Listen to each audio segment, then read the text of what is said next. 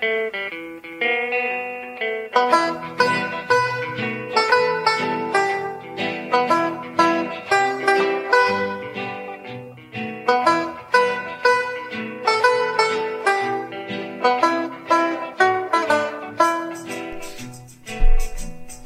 tar upp det.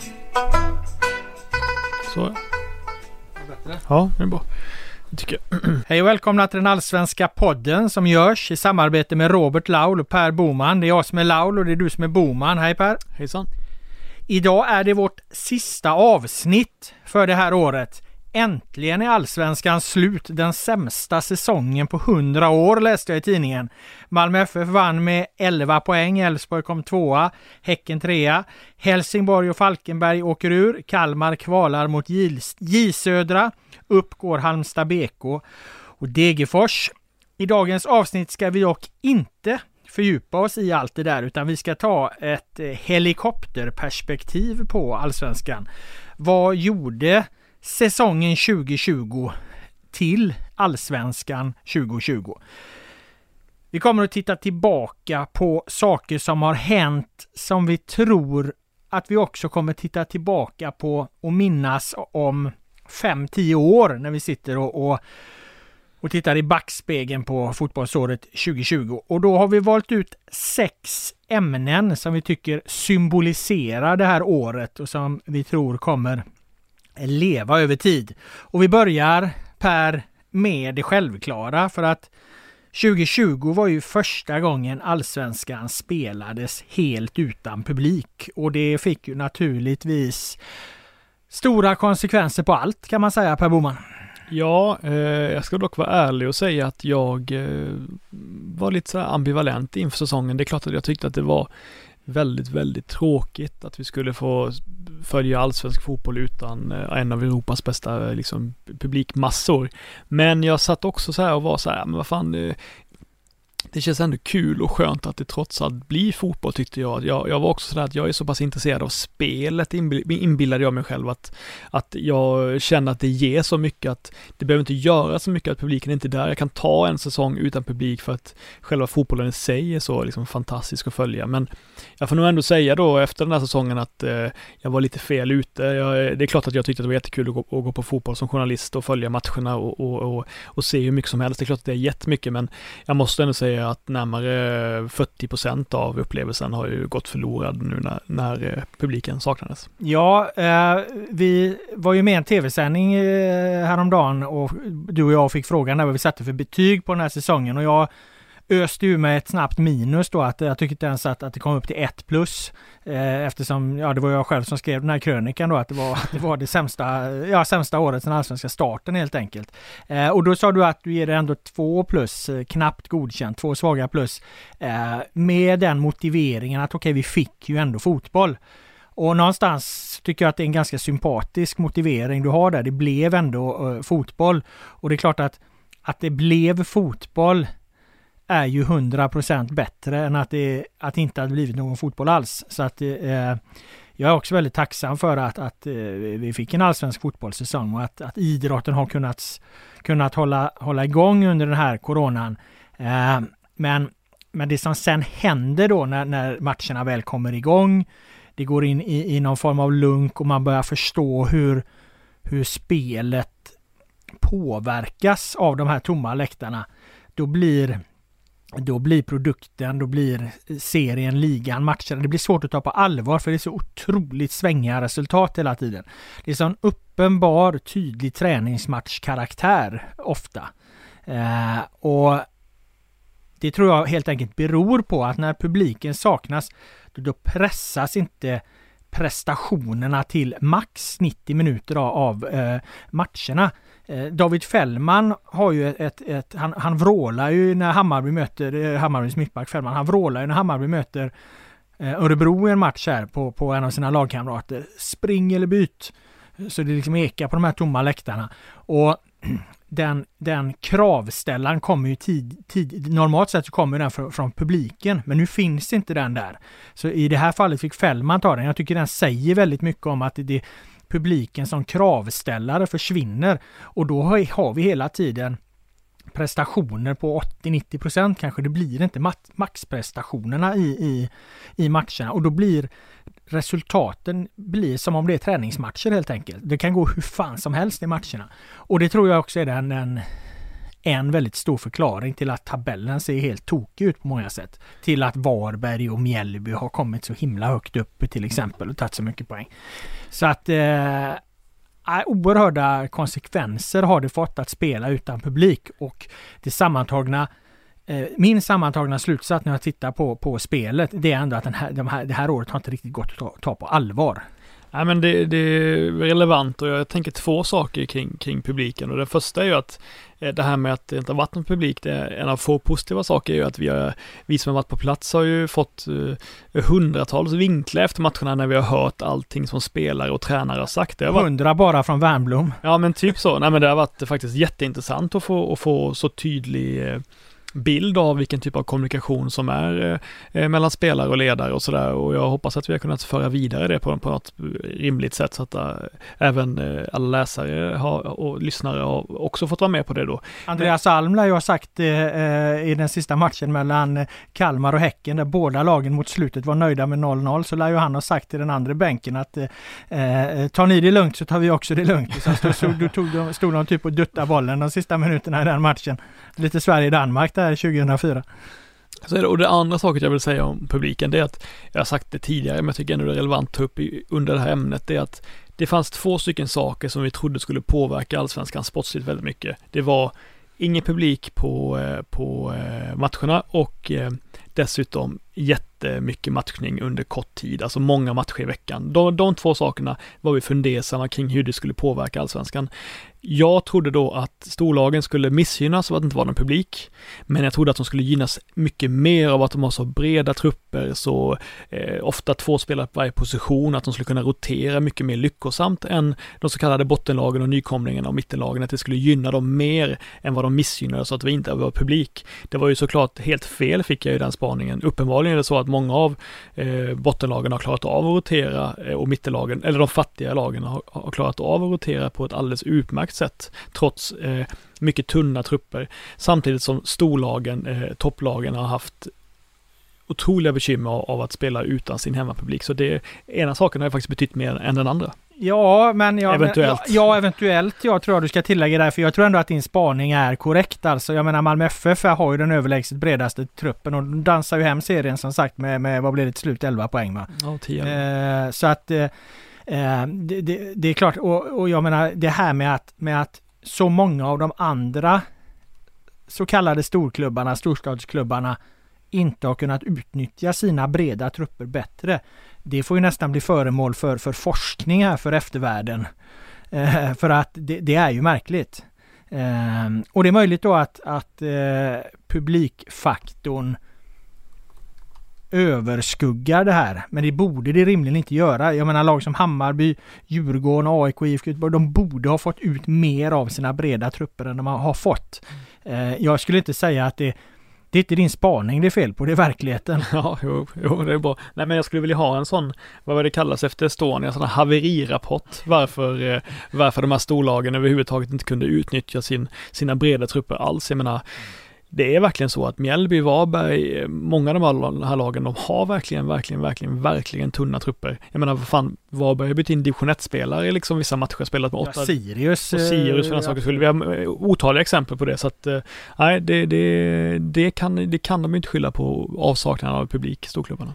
Nej, men jag tror att när vi som sagt tittar tillbaka på det här om fem år, då kommer vi, då kommer vi se det här som året då det spelades utan publik och det fick liksom till följd att eh, storklubbarna eh, svek. Sen varför är de inte klarar att utnyttja sina bredare trupper som sagt, det, det, får, bli, det får bli föremål för eh, forskningen helt enkelt. Med det gyllene undantaget Malmö FF då som vi sa, som ja, fortsätter med sin enormt imponerande hemmaform som de har haft senaste åren. Ja, vet du vad jag tror där? Jag tror att eh, eh, den, eh, den att pressas till att leverera på max, som jag tror publik bidrar till väldigt starkt i idrotten fotboll. Jag tror att för Malmö FF så fungerade moroten att Sveriges rikaste och mest framgångsrika eh, klubb i serien att de inte hade vunnit på två år. Mm. Jag tror att det fanns med som en, en, en eh, vad säger man, en X-faktor där eh, som, som gjorde liksom att de hade plötsligt det här året mest att spela för på något sätt. Att det kunde inte gå ett år till Nej. utan att de skulle eh, vinna. Och nu fick de också liksom någon slags gyllene chans när, allt, när det blev he hela havet stormar. De behövde inte permittera i sina spelare i början och så här för de, de har en ekonomi. De hade den här breda truppen, de kunde till och med förstärka den. Eh, ja, de kunde till och med försvaga den för de var tvungna att skicka ett par kvalitetsspelare för att få bättre balans i truppen. Och aktivt undvikit att använda eh, liksom starka Ja. truppspelare också. Ja, så att eh, eh, eh, och någonstans tror jag det här fanns där. Det fanns den här drivkraften. Vi har fan inte vunnit på två år. Det går inte att vi inte gör det ett tredje år. Nej, så är det. Och det eh, gjorde att just Malmö FF eh, höll genomgående, skulle jag vilja säga, utöver precis i början då det var väldigt konstigt allting, så höll de ju en genomgående högre lägsta nivå också och de levererade på topp när det som verkligen behövdes som mest. Mm. Eh, så, så det är väl det bestående intrycket egentligen av Allsvenskan 2020 att det spelades utan publik. Det blev en påminnelse Eh, hur viktig publiken är för, eh, ja inte bara allsvenskan utan för idrotten fotboll, hur liksom tätt sammankopplad eh, publiken är i sin påverkan på spelet. Det här är ju en jätteskillnad mot andra idrotter. Eh, tennis, man eh, diskuterade på redaktionen igår, man får ju fan inte eh, prata bara för att någon råkar serva samtidigt. Det är ju helt, det är ju helt annorlunda i fotbollen. Eh, och, och det blir ju oerhört tydligt ett sånt här år. Eh, så det är ju bara att att hoppas att eh, pandemin eh, så snart som möjligt tillåter att publiken kan släppas på på läktarna igen. Så att det, det, det, det blir som vanligt ur det perspektivet. Ehm, men det var inte bara det som hände 2020. Det var ju också en säsong då i alla fall under en och en halv månad så vågar jag nog påstå var alla som är intresserade av allsvensk fotboll, alla deras båda ögon var riktade mot en och samma klubb, nämligen AIK, som ju på många sätt kollapsade inför öppen ridå. Och ja, det var helt enkelt ett skådespel som få kunde slita sig från. Ja men så är det ju. Simon Bank skrev en bra krönika om det att eh, liksom det finns, alltså hela Sverige engageras av ett AIK som går dåligt. Att det är nästan en förhäxande upplevelse att följa liksom att liksom det, det, det är så stora känslor i omlopp att, att man, man dras med i det även för man själv inte har några liksom speciella känslor för klubben. Alltså det, det är ju, det är som jag sa, AIK upplevde ju flera säsonger. De upplevde liksom tre års, fyra års säsonger på en säsong och det är, det är fascinerande att följa den framförallt den resan mot galenskapen som var på väg att inträffa då under, under, under sommaren. Re, resan ner till botten av det totala vansinnet som, var på, som man kände låg där och lurade liksom. Det var, det var liksom, de, de, de, om, om vansinnet låg på, på, på, på um, källarvåning 20 så var de nere på 19 nästan liksom. Det var på den nivån av att det var på, kändes att det var på väg att bli total katastrof runt klubben. Och det är spännande att titta på. Jag tror inte någon, jag tror alla som är intresserade av allsvensk fotboll tror jag verkligen följde AIKs matcher, eh, även om de mötte Falkenberg borta eller vad det nu än var under den perioden. Och det var, eh, det var jävligt spännande helt enkelt. Och det jag får ge AIK är att de är en klubb som inte, även när det går dåligt så kan man ofta liksom, jag vet inte vad säga det, många andra klubbar som inte är vana vid motgångar, de blir jävligt stingsliga när det går dåligt, man får inte tag på någon, man kan inte prata med dem. AIK är lite vana vid det så att de är de är på något sätt, jag vet inte, Ja, den här- tillgängliga. Ja, men den här gången var de stressade. Det var stressade på många håll. Eh, det, det finns ju många liksom delar som leder eh, mot den här då eh, våningsplan 19 eller vad du, vad du beskrev det som. Och jag menar det börjar ju någonstans i, det börjar ju egentligen i slutet av 2019 redan då, då, då, då jag upplever att AIK och, och många andra kanske, man är väldigt starkt influerad av Hammarbys lyckade säsong och man, man, in- man tycker att man själv har ett alldeles för tråkigt spel. Man måste skapa en, en, en mer energigivande fotboll från ledningens sida. Så att eh, eh sportchefen Björn Westerholm då ger ju det här uppdraget till Rickard Norling eh, att, att ta fram ett spelsystem helt enkelt som, som ger en större energi. Eh, Norling eh, förankrar i sin tur det här hos ett antal spelare och det landar senare att man försöker göra någon form av, av, av eh, kopia på Atalanta, alltså en, en extrem man-man-fotboll. Jag menar en, en, en strategi liksom som som den här delen av planeten inte har, skådat sedan 70-talet och man-man var, var, var vanligt, vilket innebär liksom att spelarna får, får springa otroligt mycket mer, kanske inte de offensiva spelarna, men de defensiva spelarna får jaga något så in i helvete. Jag minns ju en match mot IFK Göteborg där AIK, Sebastian Larsson jagar ju kors och tvärs efter Al-Hassan Yusuf. Alltså det blev extrema situationer uh, och man kör ju det här in i kaklet trots att det då en, den här pandemin briserar och det blir stora osäkerheter på alla andra håll med ekonomi och allting. Ändå bestämmer man sig in i säsongen som blir uppskjuten för att ligga fast med det här. Med det täta matchschemat så ska man ändå spela den här extremt energikrävande fotbollen som ju var väldigt fascinerande att följa rent taktiskt och som säkert kan ha en, en, en framtid på många sätt i, i någon mer förfinad form och när man hinner jobba med det längre och så. Men här blir det ju, här blir det ju bara den här hissen fortsätter mot det här katastrofvåningsplanet steg för steg för steg utan att någon egentligen gör någonting och, och Norling får utbrott på spelarna i en intervju efter Varberg-match och sen så slutar det då med att, med att, eh, att de måste sparka Rickard Norling och han håller presskonferens och där han liksom eh, ja men mer eller mindre underförstått lägger över ansvaret på, på Western och de har ingen ny tränare klar och då har man hamnat i den här eh, ja men kokpunkten där alla blickar är, är riktade mot AIK.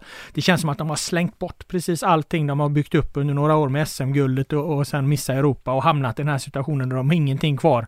Och sen vore de ju någonstans inte AIK, om de inte har löst det här ganska hyfsat ändå. De fick fram 10-15 miljoner, värva in eh, bra nyförvärv, få en ny bra tränare på plats och avslutar ju säsongen på ett sätt som gör att fansen idag kan känna framtidstro igen inför nästa år och nu står de plötsligt ganska väl rustade inför 2021. Det är som du säger, det är fyra säsonger igen. Och det man kan säga om det är att om man mäter vilka klubbar och lag vi har pratat om i den här podden, liksom, då tror jag ändå liksom AIKs säsong är det vi har pratat allra mest om och, och deras överväganden fram och tillbaka. Du och jag har debatterat Norling och vi har pratat om allt möjligt hur mycket som helst. Om man jämför då med till exempel Hammarbys relativa fiaskosäsong då, det har inte varit lika eh, djupa dalar som, som AIK, så har de ändå också haft en riktigt jävla tung säsong. Men det har inte alls varit riktigt samma uppmärksamhet kring det. Det är klart att det var ju för att de har ju aldrig riktigt hotade av nedflyttning, men man hade ju också mycket högre förväntningar på Hammarby inför säsongen, men på något sätt så hamnade det ändå i skuggan av, av AIKs eh, riktiga, riktiga kräftgång. Ja, och det tror jag handlar om det. Dels så var ju AIK indragna i, i bottenstriden direkt. Sen är det ju också det är ju stora karaktärer och, och profiler. Jag menar Rickard Norling är ju en av allsvenskans starkaste profiler. Alla vet vem Norling är. Han har två SM-guld. Han är tätt förknippad med, med AIK men han har vunnit guld med Malmö också. Eh, eh, han är ju en, en, en, person som väldigt många har eh, starka åsikter kring oavsett det är positivt eller negativt. Björn Westerum är ju en känd profil som har varit länge i allsvenskan. Eh, det är ett namnkunnigt lag. Eh, det är landslagsspelare som Sebastian Larsson som finns med i det här och har stått bakom någonstans och, och så. Så att det är klart att då blir ju vågorna väldigt höga. Ja men så är det ju. Eh, och jag minns att jag pratade med en kille som heter Kristoffer Kviborg som driver så AIK-podd, den här Testa Stör. Och han sa att intresset för den var enormt när det gick som allra sämst eh, för AIK. Jag träffade honom på de matcherna han berättade att det var ett enormt lyssnarintresse för ja, den ja, för då är ju alla inne och lyssnar vet du. Som ja, inte, totala skadeglädjen då liksom. Ja. Totala skadeglädjen. Och det, jag tror att det är, jag vet att AIK gillar ju att prata om sig själva som liksom störst, bäst och vackrast och så, men vad gäller den här saken så är de nog det. Det är nog den klubben som flest är engagerade av just i, den här typen av katastroflägen. Men är det inte AIK också att nu då ändå någonstans som jag är inne på studsa tillbaka någonstans? Och jag tror ju att AIK-fansen eh, känner, tittar framåt 2021 med ganska stor tillförsikt alltså. Det känns ganska bra av AIK. Det måste kännas som att okej, okay, vi kanske är ett av topp tre-lagen 2021. Varför skulle vi inte vara det med den trupp vi har? Hade de avslutat, jag håller med dig, alltså nu tror jag de går in med liksom 3 plus känsla. Hade de bara avslutat de, bra de tre sista matcherna också med lite bättre offensivt spel, då hade de gått in med en extremt, alltså nästan det näst lyckligaste laget i allsvenskan. Nu är det nog lite mer varsamt ändå, ja, men ändå optimistiskt. Jag tror inte man ska lägga för mycket vid de här tre sista matcherna. nej, men jag tror, nej. nej, men det, jag kan hålla med att fansen kanske då, men om jag då ska eh, morska upp de här fansen lite grann så kan jag säga så att jag tror inte, på samma sätt som att det ska dra för stora växlar och att Mjällby tar ganska mycket poäng tre sista omgångarna ska man inte ta, dra stora växlar att AIK kanske förlorar eh, de här tre sista. Det är rätt mycket cirkus eh, och det är många som har slutat spela och checkat ut och allt vad det heter eh, de här sista omgångarna. Så att jag tror att det, det AIK gjorde när Lustig och alla de här var på plats, när det gällde någonting, när Jellak hade hittat sitt 4-4-3, det är det AIK som jag tror att vi kan få se 2021, fast ännu lite bättre. Det kanske var ett dåligt exempel om innan att ta Hammarby, men det var det jag kom på först. Men om man tar det kanske mest relevanta exemplet. Vilket lags kräftgång engagerade Sverige mest? Blåvitt eller AIK? Det är AIK 100% va? Ja, det är AIK i intensitet och, och, att det sker ju så dramatiskt under en mycket kortare eh, och mer explosiv tid så att säga. Ja. IFK Göteborgs eh, elände var ju någonstans eh, mer utdraget men kanske aldrig riktigt så alarmerande som, som känslan ändå var, var i AIK. Däremot pågick ju eh, Blåvitts besvär eh, längre den här säsongen, det kan man säga. Man kan säga så här, AIK hade fler absoluta bottnar. Den absoluta botten för Blåvitt var ju var 4-0 förlusten hemma mot Hammarby tror jag, Ferhan Sebila och huvudansvar. Då, då, då känner man att det kommer gå åt helvete. Då har de ju sparkat en tränare och inte fått någon ny på plats och förlorar med 4-0 och, och, och bottensträcket rycker allt närmare och det är tio matcher kvar och ingen, ingen vet. Eh, det är klart att det läget eh, är, är, ju kanske rent logiskt ännu mer utsatt än vad AIKs var då tio omgångar tidigare. Men som sagt, det blir inte samma svallvågor runt någon annan klubb eh, i jämförelse med, med AIK. Eh, alltså de Blåvitt-fansen är ju lika förtvivlade givetvis, men det finns inte den, det finns inte den skadeglädjen runt Blåvitt på samma sätt som, som det gör runt AIK. Bra. Eh, en annan sak som stack ut 2020 eh, var att vi fick se, och det här är en betydligt mer positiv grej, det var att vi fick se den kanske bästa centrallinje som allsvenskan skådat under 2000-talet.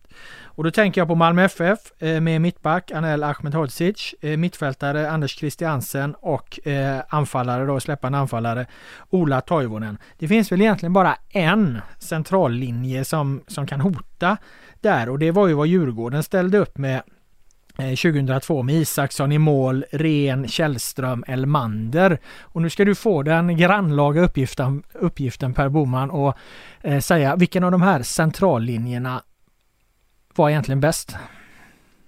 Oj. Ja, det får du ge mig lite betänketid. Eh, de är lite olika upplagda också. Vi har ju på ena stället så har vi en mittback, mittfältare, anfallare. På det andra har vi eh, eh målvakt, mittfältare, anfallare och ingen, ingen försvarare då. Eh, man kanske ska ställa dem mot varandra så. Man kanske ska se dem mer som att om vi alltså nu då 18 år senare fortfarande minns tillbaka mm. centrallinjen eh, 2002, eh, Djurgårdens centrallinje, så kanske vi på samma sätt kommer minnas tillbaka om 10-15 år så kommer vi prata om Malmös oerhörda centrallinje. Att de liksom får, får symbolisera och representera eh, olika delar av historien så att säga. Ja men det, det, är bra, alltså man ska, man ska nog fokusera på hur pass överjävligt bra just Malmös var i år. Vi tar ju varje år ut de 50 bästa spelarna i Allsvenskan, tar den uppgiften på allvar, tycker att det är viktigt att göra det ordentligt. Eh, och det är klart att man funderar, ska vi verkligen ha tre spelare från samma klubb högst upp? Är det, var det verkligen så? Var de verkligen bäst? Men ja, vi landade i att Christiansen, Toivonen och Ahmedhodzic var de tre bästa spelarna. Och det är extremt ovanligt att ett lag har de tre bästa spelarna på det sättet. Ja, det har, vi har aldrig satt det när vi har tagit ut 50-listan tidigare va? Nej, aldrig någonsin. Aldrig någonsin. Och jag tyckte att det var jag tyckte att det faktiskt var så det här året. Malmö var så pass överlägsna och de hade tre stycken spelare som var så pass överlägsna.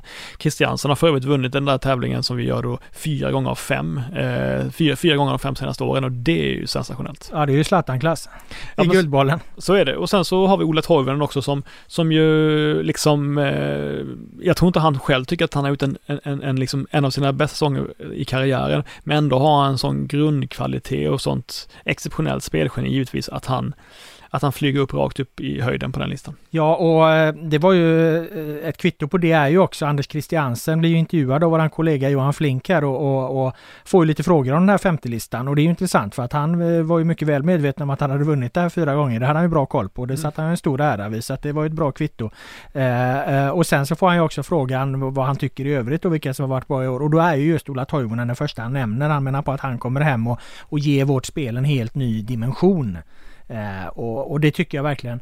Eh, att den gör, eller att Ola gör. Sen kan man fråga sig vad säger det mest om? Säger det mest om, om allsvenskan eh, 2020 eller säger det mest om Ola Toivonen som kommer direkt från liksom en isoleringskarantän i, i, i Australien och, och kliver rätt in och, och utan, eh, han varit med på två kvadrater möjligen på träningen och, och kliver rätt in och dominerar. Det kanske också säger en hel del om, om den här säsongen. Men det är klart att Ola Toivonen har ju varit på en, en väldigt hög nivå under sin karriär. Det är inte så länge sedan han spelade fotbolls-VM och han är ett ganska bra exempel på det vi pratar om när vi pratar om att eh, svenska eh, landslagsmän som sitter på bänken i Europa kan gå lite halvknackigt. När de väl kommer hem till allsvenskan så är de på en så hög nivå så de, de tillför bara ren klass.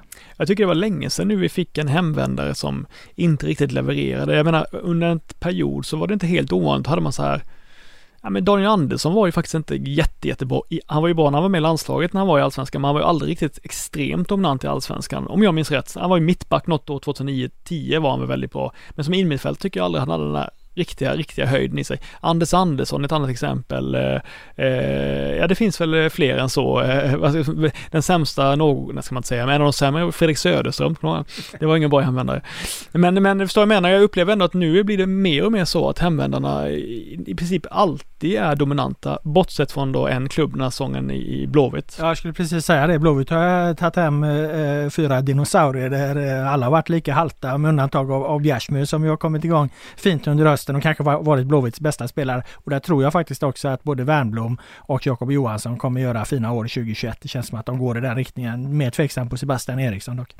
Ja, precis så är det och det får man ju ta tillbaka då. Jag var en av de som var i den här podden eh, mycket kritisk till att man tog hem Bjärsmyr mycket för att jag tyckte att nu var det ett för stort sjok liksom. Det var för många på en gång och då kan man väl skita i Bjäsmy tänkte jag. Jag tror att man ska börja skita i både Bjäsmy och er, Sebbe Eriksson men då får man ju åtminstone backa på en av punkterna där. Ja, men nu var det centrallinjen i Malmö vi egentligen var på ja, där och eh, den spelare vi inte har nämnt så mycket om då. Det är ju Eh, eh, Anel Ahmedhodzic då. Han är också en bärande del i den här centrallinjen som en mittback som, ja, men som är så fascinerande och intressant på väldigt många sätt. Dels att han får det här stora genombrottet då vid, vid 21 års ålder, går in i landslag och, och, och dominerar allsvenskan, blir bästa mittback. Eh, och att han, ja helt enkelt att han gör det när han är, är, är 21 utan att, att man egentligen riktigt var förberedd på det.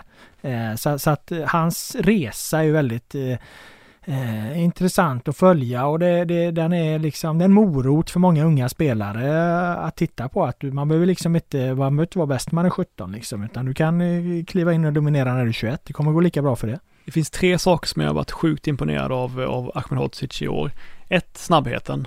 Att han trots att han är så lång och gänglig så är det väldigt få som löper ifrån honom på 30 meter liksom i princip ingen. Han hinner ju alltid fatt. Eh, det är imponerande som fan. Eh, det andra är såklart hans förmåga att sätta upp passningar, hårda passningar centralt upp på Christiansen liksom.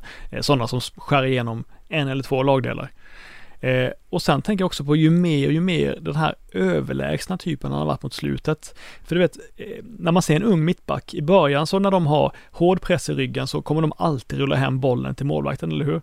I princip alla fall och då får man fokusera mycket på att få en bra tillbakapassning så att det inte studsar för mycket, att det blir dåligt. Alltså det, man måste, om man är pressad så måste man göra det bra. Ju längre säsongen har gått, desto mer säger jag att varje gång Ahmed Hosic har någon i ryggen, då börjar han fundera på, ska jag vända om till höger eller vänster för att ta med mig bollen upp i anfallet igen? Han är så opressad liksom. Det kan, han, kan ha, han kan ha en riktig jävel i ryggen. Ändå så kommer han försöka vända upp med bollen och starta ett anfall. Han behöver inte ens rulla hem bollen till mittbacken eller till målvakten längre. Det låter kanske banalt, men jag upplever att det är ett tecken på hur oerhört bekväm han är och hur den här, han har redan har vuxit ur den här serien på något sätt. Liksom.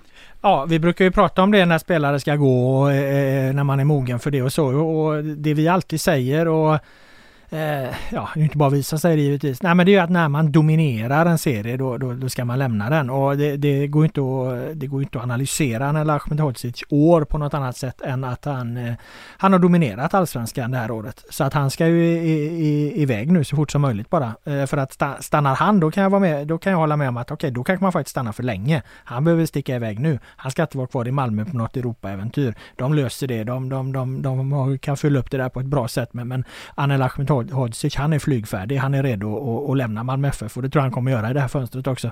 Ja, och jag får säga det att eh, eh all, han, all, han har ju rätt sitt val, alla rätt sitt val, men för mig personligen så är det en sorg att han inte kommer att spela i svenska landslaget. Det är en av få spelare som verkligen kommer saknas som har valt bort eh, eh Jannes landslag. Ja, det är bara att skriva under på det. Eh, vi lämnar den centrallinjen, eh, den bästa i alla fall på eh, 18 år som allsvenskan har skådat. Eh, en annan sak 2020 var ju att den fysiska fotbollen fick sin revansch. Och vad menar vi egentligen när vi, pratar, när vi säger så då, den fysiska fotbollen? Jo, men, men då tänker vi lite så här att det, det man behöver inte backa bandet så himla långt eh, bak i tiden. En tre, fyra år så var det en trend eh, som lite enkelt uttryckt handlade om att, att eh, eh, possession-fotbollen var, var, var framtiden. Eh, nu har ju den där pendeln helt svängt ifrån det. Tittar vi på de tre, eh, ettan, tvåan, trean i allsvenskan så har vi Malmö FF där som ju eh, utstuderat har eh, sekundregel Eh, i hur man snabbt ska gå till anfall. Det var också den tydliga skillnaden mellan eh, årets Malmö FF och fjolåret så att man är mycket direktare, mycket snabbare framåt. Eh, därefter har du Elfsborg som är precis likadana, ännu mer extrema egentligen i att snabbt spela bollen framåt, ha, ha speed, inte vänta till motståndaren organiserat sig. Och sen har vi Häcken då som på många många sätt också liksom är ett, ett, ett omställningslag, bygger på försvarsstyrka och så här. Så att eh, plats 1, 2, 3 är, väldigt tydligt fysiskt starka eh, lag som har haft stor framgång. Alltså lag som, och, och framförallt lag som inte väntar in eh, eh, motståndaren och har liksom bollidé som någon slags idé i sitt spel utan snarare att man har en idé att slå till så fort som möjligt när motståndaren är mindre eh, samlad. Jag skulle säga att det är tre lag som, som liksom är mer internationella i sitt spel.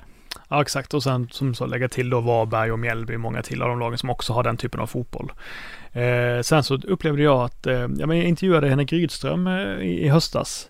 Det är ju exemplet som sticker ut då, som är kvar i, i den här mer possession-inriktade fotbollen. Då. Och då ställde jag frågan så här, har allsvenskan övergivet eh, utpräglade bollinnehavet igen eh, efter några år när det har varit högsta mode då? Det är ju väldigt förenklat att säga utpräglade bollinnehavet, men jag tror alla förstår vad man menar när man säger så. Och då säger han svararen så här, ja helvete, så är det verkligen. Det var många lag som influerades av Barcelona och deras efterföljare. Många tränare tyckte det var häftigt, men det går i cykler. Nu är det andra hållet igen. Vi har känt att allsvenskan blivit väldigt cynisk igen. Jag kan också gilla fasta situationer, långbollar och att vinna andra bollar. Var och en blir salig på sin tro. Men vad händer med svensk fotboll om för många lag hemfaller åt riskminimering igen? Och det tyckte jag var intressant. Eh, för att jag menar, jag, jag, alltså jag förstår var Rydström kommer ifrån. Jag tycker han har lyckats väldigt bra med det han skulle göra. Han har gjort någonting helt annorlunda. Men det jag gillar är att nu finns det lite, nu finns det två stycken motpoler igen liksom. Det är mer dynamiskt igen. Det, det, eh, varje spelstil ser, ser, ser krispigare och tydligare ut när det ställs mot någonting helt annat. Och det tycker jag är lite spännande och roligt att, det, att vi har fått en, kanske en balans då mellan lite olika filosofier igen, lite olika typer. Ja, sen så tror jag aldrig att det är någon fara heller att, det, att pendlar slår, utan det gör de liksom. Men, men eh, resultatet blir också att om, om en pendel slår långt åt ena hållet, det blir mycket possession som det var ett tag här, ja då kommer du garanterat få ett antal lag som kommer jobba i en annan riktning. Nu kommer vi ha det här ett tag och då kommer du säkert få svar eh, som, slår till, som drar tillbaka pendeln igen. Det där är ju liksom ett växelspel som kontinuerligt pågår och det knuffar ju liksom utvecklingen eh, framåt någonstans.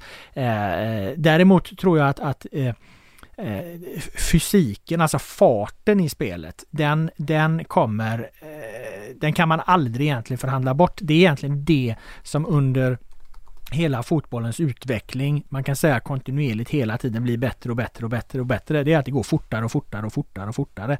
Det kommer det alltid göra.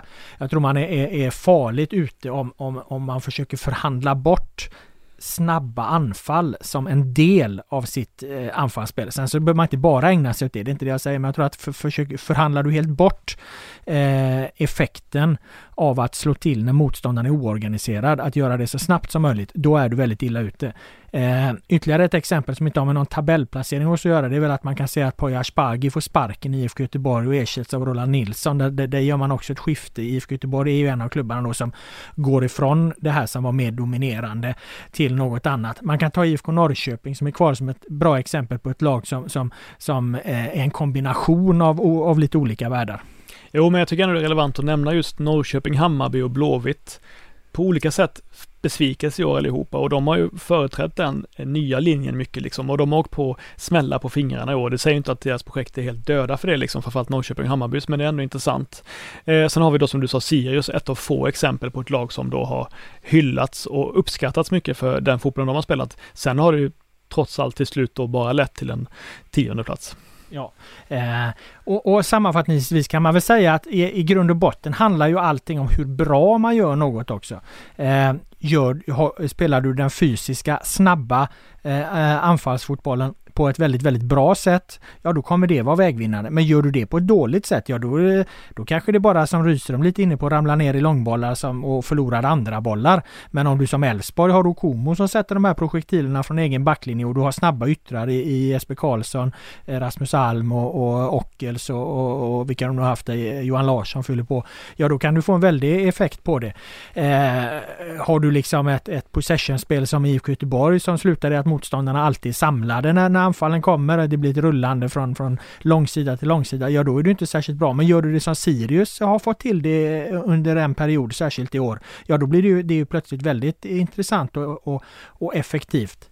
Um, en skillnad jag tror man kan peka på dock, det tror jag att jag tror att det jag tror att det med begränsade resurser egentligen över tid är svårare att spela som Henrik Rydström vill göra. Jag tror det kommer vara väldigt svårt att år efter år eh, leverera den fotbollen på den nivån med ett lag med begränsade resurser. Ja, det är bara poäng framförallt så det är svårt att behålla sina lag då. Behålla de spelarna som har varit nycklar. Just eftersom det krävs en större, en längre inlärningsperiod för de, för de lagen också. Man måste, spelarna måste ha, ha längre tid på sig att komma in i det spelet och sen när man plockar bort avgörande delar av det så är det svårt att upprätthålla den fina nivån. Så är det. En spelare, för att göra en liten radioövergång då till eh, vår eh, femte punkt som eh, formar Allsvenskan 2020. Ehm, det är eh, att 2020 var året då vi fick stifta bekantskap med Isak Bergman Johannesson och frågan är då om han är kvar i Allsvenskan 2021 eller om han nu blir då den här försäljningen som vi har spekulerat en hel del i att han kan bli allsvenskans dyraste övergång eh, någonsin. Den första spelare eh, att kosta eh, ett tresiffrigt miljonbelopp miljonbelopp, alltså över 100 eh, miljoner kronor. Eh, vi har ju länge eh, kallat Isak Bergman Johannesson som den största talangen i Allsvenskan. Eh, eh 2020 var ju året då den här 17-åringen då kliver ut och är en, en, en, eh, en jag ska inte säga att han dominerar allsvenskan på samma sätt som Ahmed Hodzic, för det gör han absolut inte. Men han, han är en färdig spelare, på, färdig allsvensk spelare på många, många sätt utifrån hur mycket speltid han har, utifrån hur mycket poäng han gör, utifrån vilken roll eh, han har eh, i Norrköping. Och det här gör han alltså som 17-åring. Ja exakt, han är fyra år yngre än Ahmed Hodzic. Eh, och ja, han är ju den största talangen allsvenskan har sett sedan Alexander Isak. Och det har vi sagt ett antal gånger. Sen var man ju jävligt uppeldad ett tag där vi eh, runt september kanske, september när man liksom ja men han eh, fortsatte ösa in assist och, och man kände verkligen att nej, men det här är, det här kommer, han kommer säljas för runt 100 miljoner eller mer sådär. Nu kanske man eh, kylts ner lite igen men jag tror... Vad fan, det är du som har drivit det här med att han ska kosta det, 100 miljoner. Ja men, jag, ja, men drivit. Jag har, varit, eh, jag har tänkt att om det är någon som ska göra det så är det han i alla fall. Dessutom har ju Jonathan, ja, dessutom har Jonathan Levi kommit till understöd och sagt att det är liksom, i princip sagt att det är ett fiasko om man inte säljs för, för, eh, för mer än 100 miljoner. Jag har ju i två långa intervjuer försökt dra ur Peter Peter Hunt att de har en prislapp på 100 miljoner på honom, men han vägrar ju tillstå det.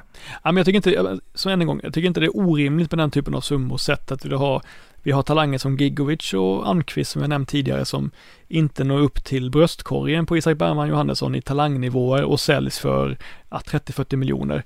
Eh, det är klart att Isak Bergman kommer, han kommer säljas för mycket pengar. Och jag hör, det, det, det är nog, så, det är nog intressant för sån som Jens Gustafsson då som har faktiskt gett Isak Bergman Johannesson 25 starter i år. Det ska han ha respekt för, eller hur? På fyra olika positioner också får ja. man väl säga. Han har ju varit ytterback, han har varit ytter, han har varit mittfältare, han har varit offensiv mittfältare. Så är det ju, så är det ju. Men 25 starter, det är bra. Det var liksom, inför säsongen så var det nog många som tyckte att bra om man får göra 10 starter ungefär.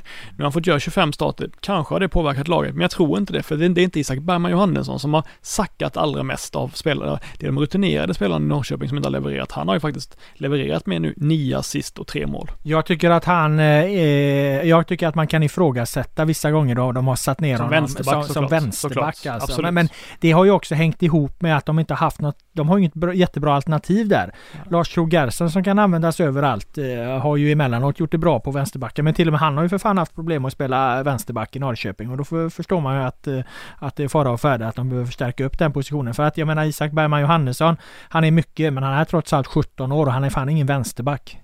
Nej, precis så är det ju. Nej, men han, eh, men han är ju, men han är, eh, det, vi, själva anslaget för det här eh, avsnittet är ju saker vi kommer komma ihåg längre fram. Man sitter ju och tänk, man sitter ju ofta och pratar om att eh, 2016 var året som Alexander Isak slog igenom. Man minns mycket från det året utifrån hans utveckling. 21 var Zlatans eh, Ja, år liksom, enda han spelade i Allsvenskan när han vräkte in den ur död vinkel mot, mot AIK och han rev muren på Stockholms stadion när han snurrade upp varenda djurgårdare som, som de kunde sätta ut på planen. Och jag tänker att Isak Bergman Johannesson borde ha en liknande säsong, man borde se tillbaka på det ungefär likadant. Jag tycker att han har varit en, ska vi se, Nyman har varit bättre, Lauritsen har varit bättre. Sen är han nog delad tredjeplats med Isak Pettersson. Och det är starkt i ett sånt profil, profilstarkt lag som Norrköping är att göra den säsongen. Haksabanovic har varit bättre också. Ja, förlåt, förlåt, okej då. Delad fyra blir han då ja. Det är ändå bra, han är 17 år som Mm. sagt. Eh, man, man måste sätta det här i perspektiv. Eh, 17 år. Och, och, och som vi har sagt många gånger, alltså han är ju inte liksom som Carlos Strandberg en gång slog igenom och vi kallar honom för världens störst, största 17-åring som hade en sån oerhörd fysik och vann mycket på det. Eh, Bergman Johannesson är ju inte, eh, har ju inte fysiken på det sättet. Jag tror han har rätt mycket att hämta fortfarande i, i den fysiska delen, även om, som många har påpekat, han, han då har, har eh, ett, eh, ett, ett tempoväxlings, eh, tempoväxlingar i sig. Som då i alla fall enligt Peter Hunt håller Premier League-klass eh, enligt deras egna mätningar. Men det jag tänkte på, jag började något resonemang om eh, Jens Gustafsson, att han har då spelat honom så mycket. Han vill ju nog egentligen vara med och sälja honom, tänker jag också, att det är ju verkligen en fjärde hatten för en manager att slå, gå ut då med en bang och sälja honom för så mycket pengar, men då får han kanske till och se om han hinner göra det innan han försvinner från klubben. Det känns väl tajt? eller? Ja, då får han ju snabba sig här nu för att eh, han har lagt så många veckor kvar i Norrköping eller det kanske till och med kan räknas i dagar och då tänker jag på Jens Gustafsson. Då. ja, precis, och det är det som är, det är nog lite surt, skulle jag inbilla mig i alla fall. Det kanske är en maktkamp där mellan Hunt och, och Gustafsson, vem som ska sälja honom egentligen och maktkampen förlorar ju sällan Peter Hunt. Nej, han har ju onekligen gått eh, otroligt starkt ur det här året som ju började med, med en eh, tornado riktad mot honom eh, från start och han är... Det, upp, det upproret är kväst han effektivt. Ja, det är en riktig... får man ge honom. Mm. Eh, nej men så att när vi sitter här om fem år och minns tillbaka 2020 så kan det då bli så, även om den här punkten möjligen är lite osäker, så att vi sitter och tittar tillbaka på, ja men vad fan det var ju för fan året då, då, då Norrköping fick 100 miljoner för Isak Bergman Johannesson som nu spelar i, i Barcelona och gör det bra. Låt oss hoppas. Ja, vi får se. Eh, 2020 var definitivt året då Zlatan Ibrahimovic tränade med ett allsvenskt lag. Med betoning på tränade. Ja, så är det ju. Eh, det är klart att det överskuggade ju eh, allting under en period. Det här året har ju varit så väldigt långt så att det känns som att det var ett par år sedan. Men eh, det är inte länge sedan han var och tränade under våren och även under sommaren. Och eh, har ju själv uttalat sig i intervju med kollega Erik Niva att det var nära med Hammarby. Han lockade så mycket av att spela för Hammarby, mycket på grund av att Malmö, Malmö-supportrarna betedde sig som de gjorde i samband med, eller Malmö-supportrarna ska jag inte säga, att enskilda människor i Malmö vandaliserade hans staty helt enkelt och han kände att han fick så mycket hat och sådär, att de inte hade någon förståelse för allt han hade gjort för staden och klubben. Eh, och då sa han att han äggade sig av det och därför var nära att skriva på för Hammarby, att det kändes som att det var 50-50 nästan mellan, mellan Malmö och Bayern. Ja, alltså ha, hade... Eller förlåt, Milan och Bayern. Ja. Eh, hade inte eh, pandemin och att eh, Bayerns kräftgång sen kommit så, så, så verkar det faktiskt som att det var helt enkelt var nära. Om vi pratar om att alla alla som är intresserade av allsvensk fotboll, alla, alla deras blickar var lockade mot allsvenskan när AIK eh, gick dåligt så kan man ju säga att den här tiden då Zlatan tränade med Hammarby, då var ju alla Sveriges fotbollsintresserades blickar eh, riktade mot eh, allsvenskan. Det var ju ett oerhört intresse kring de här liksom stängda träningarna på Årsta eh, eh, där, där, där Zlatan var med och det föddes ju många vinklar och, och tänkbara upplägg vad han hade sagt till lagkamrater och vad han hade gjort på träningen och, och vilket slag han var i och, och så här. Och om man tittar nu då på historien hur jävla bra han har varit i och lyft Milan och, och eh, ja, dominerat på ett sätt som är närmast svårbegripligt och dessutom är på väg liksom att ta Sverige till EM-guld här nu om ni vill säga det. Eh, så, så vilken jävla maskin hade han inte varit i, i Bayern alltså. Ja, men man tänker ju allt mer på att, eller under, fram tills Erik Nivas intervju så tänkte jag att Hammarby har missat en historisk chans liksom. De hade en chans att få hem Sveriges bästa spelare genom tiderna till sitt lag borde han var sugen på att spela allsvenskan för dem. Och då tänkte jag, missade de det för att de startade dåligt borta mot Mjällby liksom och att Stefan Billborn inte fick ordning på laget och att det blev så stressat och uppjagat i hela klubben. Missade de den chansen på grund av det liksom. Men nu har han ju återigen öppnat för att det mycket väl kan bli Hammarby i framtiden som, som spelare då. Eh, och då har de ju inte missat den här historiska chansen. Då har de ju möjligheten en gång till då och då får vi se ifall det blir så den här andra gången. Ja, 2020 var året då Zlatan tränade med ett allsvenskt lag. 2021 kanske blir året då han spelar med ett allsvenskt lag då han kommer hem efter det där EM-guldet och, och, och, och tar Bayern till SM-guld. Då gäller det att de har en, en vad, säg så här, vad är minimum placeringsmässigt? Var måste Bayern ligga i, i ligan, säg nästa sommar, eller säg augusti, för att Zlatan skulle kunna tänka sig att spela för dem? Jag tror att de ska ligga trea och att det ska vara publik. Jag tror att det, det, det, måste, vara liksom, måste vara lite drag. Jag, jag, alltså, jag har 100% förståelse både för Zlatans så här eh, utifrån hur han fungerar, att det här med statyvandaliseringen, att det väckte någonting hos honom, att han, han eh, kittlades, lockades och drevs av, av det här som vi också målade upp om den här liksom eh, eh, ja men duellen som det var på väg att bli då mellan, mellan Hammarby och, och Malmö. Det tror jag lockar honom. Men, men eh, att han då sen liksom när det inte blir någon publik och ingenting, alltså det, i luften går ju, gick ur allting i kombination med att, eh, med att Hammarby presterar dåligt. Men skulle Bayern nu eh, ligga ganska bra till efter man har kört några omgångar i maj, det blir en publiköppning, och vi kan få se fotboll på normalt sätt igen, ja då är det väl inte, då är det väl inte, det är väl inget dåligt karriärsslut i så fall att han kommer hem liksom och, och, och, och kör, kör den allsvenska hösten. Ja. Du har ju varit inne på att du inte vill se det, att det är för stort, det är för mycket att ta in liksom. Det blir inte, det, det, det, det går liksom inte att förhålla sig till. Det blir för ja men eh, kungen ska inte röra sig på stan bland vanligt folk liksom. Alltså det, det, det ja Zlatan han kan vara i Milan, han kan vara i landslaget, men det, det är allsvenskan, det, det går inte. Ja men jag satt ju där och, i somras och mådde lite dåligt för det kändes som att liksom en gud stiger ner från Olympen liksom. nästan så till, till, eh, till vanligt folk och jag, li, hade väl någon två plus liknelse med att det kändes som sockrade popcorn liksom. Det var för mycket av allt. Det blir liksom syntax error. Man, man kan inte ta in det. Det är för mycket. Han, han, kommer svälja allting, han kommer, han kommer liksom käka upp hela allsvenskan och spotta ut det liksom, att det kommer bli för mycket, för stort. Men jag vet inte fan om jag kanske börjar vända lite igen nu, nu, nu när det ändå är, nu när det inte blev så, eh, så kändes det lite som att det var en missad chans för hela allsvenskan lite faktiskt. Eh, det känns lite futtigt liksom att det, att det, att det liksom inte blev så på, på grund av lite dålig form från Hammarby. Så nu är jag inte helt säker, men, men jag börjar kanske luta lite ändå att det skulle vara rätt kul ändå. Ja, eh, jag kan väl inte säga något annat än att jag hade tyckt det var jävligt eh, spännande om Zlatan kom hem och spelade eh, Hammarby här eh, en säsong. Eh, det hade ju lyft intresset som sagt. Det gjorde det ju bara han tränade med dem. Ehm, det var de sex, eh, ja vad ska vi kalla det, de sex ämnen, de sex punkter, de sex eh, eh, delar som vi tror att man kommer blicka tillbaka på när vi av någon anledning blicka tillbaka mot den här allsvenskan om sådär fem år. Eh, har vi missat något Boman eller eh, ska vi säga att vi stänger den eh, allsvenska poddbutiken med det här eller har du något mer? Nej, jag känner mig otroligt nöjd faktiskt. Eh, det tackar för alla som har lyssnat under året. Det ja, uppskattas. det var det jag tänkte göra nu. Jag tänkte tacka dig också för dina kloka åsikter och, och synpunkter. Eh, under det här året. Den allsvenska podden är tillbaka 2021. Nu blir det The Village Stompers med Washington Square en sista gång. Hur länge? 48. Ja, det var bra. Tycker var bra. Nu är vi mycket... Jag hade mer att säga. Ja, det är mycket att säga.